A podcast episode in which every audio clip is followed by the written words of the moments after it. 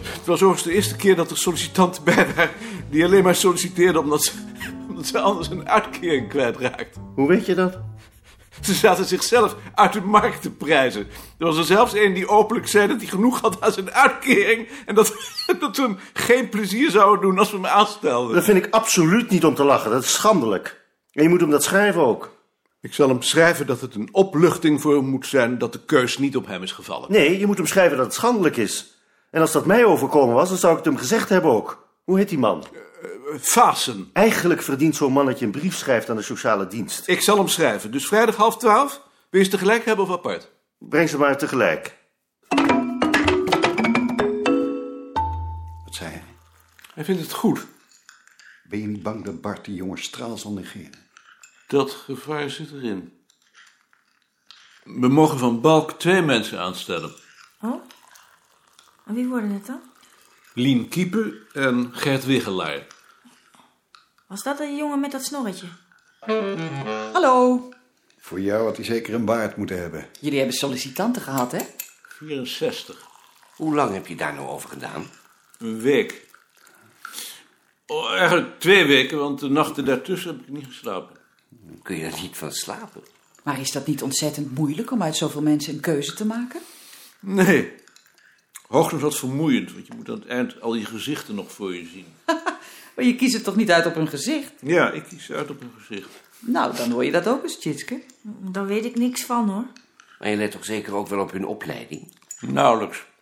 Soms, als ik de gang opkwam, dan zag ik jullie lopen en dan dacht ik... Ja, met die mensen heb ik vroeger samengewerkt. Dan heb je het wel heel intensief gedaan. En eh, doe jij dat dan ook zo? Nee hoor, dat laat ik aan Maarten over. En wat voor iemand hebben jullie nou genomen? We hebben er twee genomen. Ik wist niet dat jullie twee vacatures hadden. Dat hadden we ook niet. Een man en een vrouw. Keurig. Was daar ook niet iemand voor ons bij? Ik dacht het niet.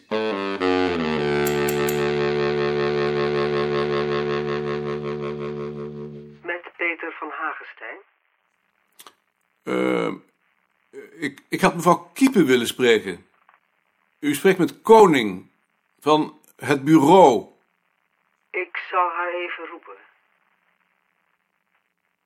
Met Lien Kiepen? Met Koning. Ik zou u nog berichten zodra we een beslissing hadden genomen. Ja. We zouden u graag hebben. Maar ik weet nog helemaal niet of ik het eigenlijk wel wil. Wat u over het werk gehoord hebt, schrok u af? Dat niet. Dat vond ik wel aardig. Maar ik kan zo snel niet beslissen. Dat is lastig. Ja. Maar ik moet het dan maar doen. Dat hoeft zo gauw niet. Ehm, Ja. Laat ik het dan toch maar doen. eh, ik moet u toch eerst nog aan de directeur voorstellen. Dat is vrijdag om half twaalf. U hebt dus nog tot vrijdag de tijd om erover na te denken. Komt u niet? Dan weet ik dat u er vanaf hebt gezien. Nee, ik kom wel. Dat zie ik dan wel. Denk er eerst nog maar eens over na, want een baan waar je eigenlijk geen zin in hebt, dat wordt natuurlijk niks. Nee. Sterkte. En misschien tot vrijdag. Half twaalf. Dag mevrouw Kiepen. Dag meneer Koning. Lien Kiepen weet niet of ze hier wel wil komen werken. Blijkbaar vindt niet iedereen het zo fijn om hier te komen werken als jij denkt. En wat doe je nu? Ik wacht af. Ik denk dat ze het tenslotte wel doet. Ik vraag me af of het dan wel zo verstandig is om haar te nemen. Als iemand met zo weinig plezier aan dit werk begint, dan houdt ze het niet lang vol. Ik ben ook niet met plezier aan mijn werk begonnen. En nu dank ik God elke dag dat ik hier naartoe mag. Met Gert Wichelaar. Dag meneer Wichelaar, met Koning. Hey, dag meneer Koning.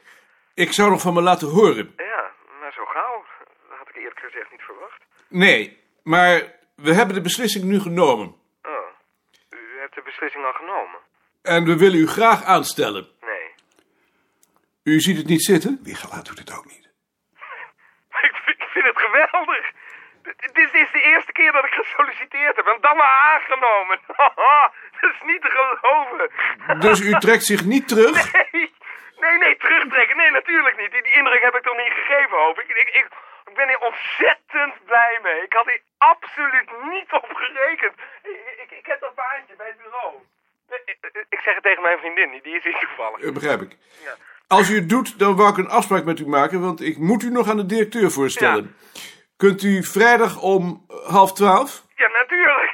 Vrijdag om half twaalf. Eh, Wil jij dat helpen onthouden? Eh, Vrijdag om half twaalf moet ik bij de directeur komen. Tot vrijdag half twaalf dan. Ja, ja, dank u wel. Dank Maakt u u mij wel. samen een dansje. Ja, ja, dank u wel. Dank u wel. De heer Wiegelaar is door het dolle heen.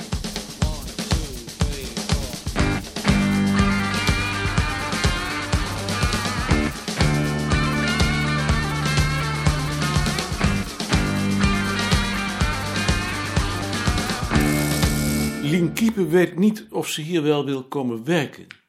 Dat is echt weer Lien, hoor. Je denkt niet dat het aan het werk hier ligt? Nee, hoor. Zo is ze altijd. Ze is als de dood voor verandering. Dat ben ik ook. Maar vast niet zoals zij. Want voor anderen is het werkelijk om gek van te worden. Ze heeft een eh, vriend, Peter? Peter van Hagenstein. Ja. Daar woont ze mee samen. Maar dat is zo'n gekke verhouding, daar begrijp ik werkelijk niks van. Het is anders wel een eh, nette man. Oh, dat zal wel, maar hij profiteert wel van haar. Ik zal de mensen wel schrijven die we niet genomen hebben. Moeten wij je daar niet bij helpen? Nee, laat mij dat maar doen. Zoveel werk is dat niet. Geachte heer Vaassen, ehm, het zal een opluchting voor u zijn te vernemen dat de keuze voor de vervulling van de vacature waarnaar u hebt gesolliciteerd niet op u is gevallen. Ik gun u die van harte. Aangezien u naar mijn stellige overtuiging wel hersens hebt, kan ik alleen maar voor u hopen dat uw volgende sollicitaties even voorspoedig voor u verlopen.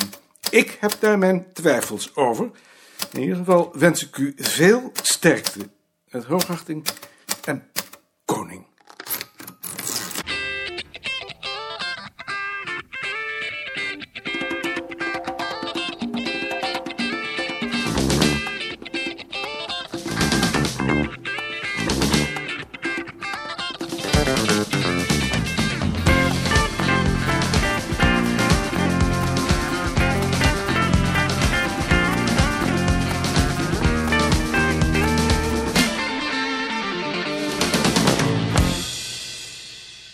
Eh, het gebouw heeft drie verdiepingen.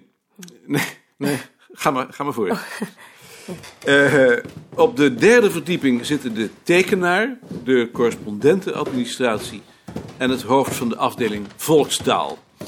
Eh, op deze verdieping zitten wij met het volksmuziekarchief. Ehm, naar beneden.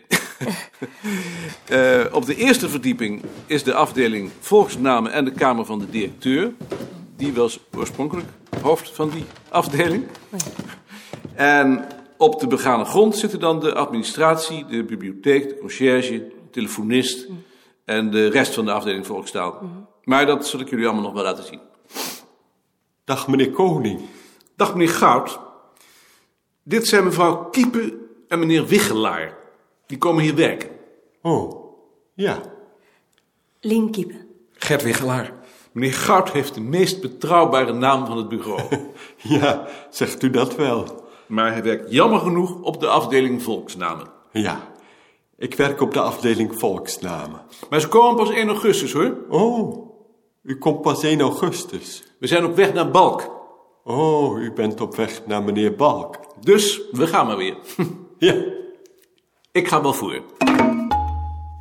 Hier zijn de twee sollicitanten. Mevrouw Kiepen, meneer Wichelaar. Balk, gaat u zitten.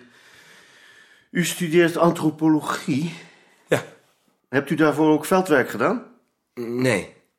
D- dat wil zeggen... Nee. Eigenlijk niet. Op ons instituut wordt veel veldwerk gedaan. Ah, ja. Nee. Ik heb eigenlijk geen veldwerk gedaan. Dat zult u hier dan nog moeten leren. Dat hoort ook eigenlijk wel bij de studie, maar omdat ik een historisch onderwerp had uitgekozen... Ik zie het. Had u eigenlijk alles van ons instituut gehoord? Nee, heel stom natuurlijk, maar... Wie is eigenlijk op het ogenblik in Leiden hoogleraar in de Egyptologie? Is dat nog professor Thierry? Eh, ik zou het echt niet weten. Had ik natuurlijk moeten weten. Als u van plan bent om van uw scriptie een dissertatie te maken, dan zult u niet om hem heen kunnen. Daar heb ik eigenlijk nog helemaal niet aan gedacht. Daar zou ik langzamerhand dan toch wel eens aan gaan denken. En u hebt als bijvak Oud-Frans. Hebt u daar een bepaalde reden voor? De voornaamste reden is dat ik twee jaar in Frankrijk heb gewoond. Maar dan had u ook Frans als bijvak kunnen nemen. Daar heb ik ook wel over gedacht. Maar omdat ik Middel-Nederlandse letterkunde als hoofdvak heb, vond ik Oud-Frans daar beter op aansluiten. Maar hier zult u daar niet veel aan hebben. Nee, maar er worden hier toch ook volksverhalen verzameld? En die hebben soms een middeleeuwse achtergrond. Hebt u ook al gehoord hoe we dat doen? Dat moet ik hem nog vertellen.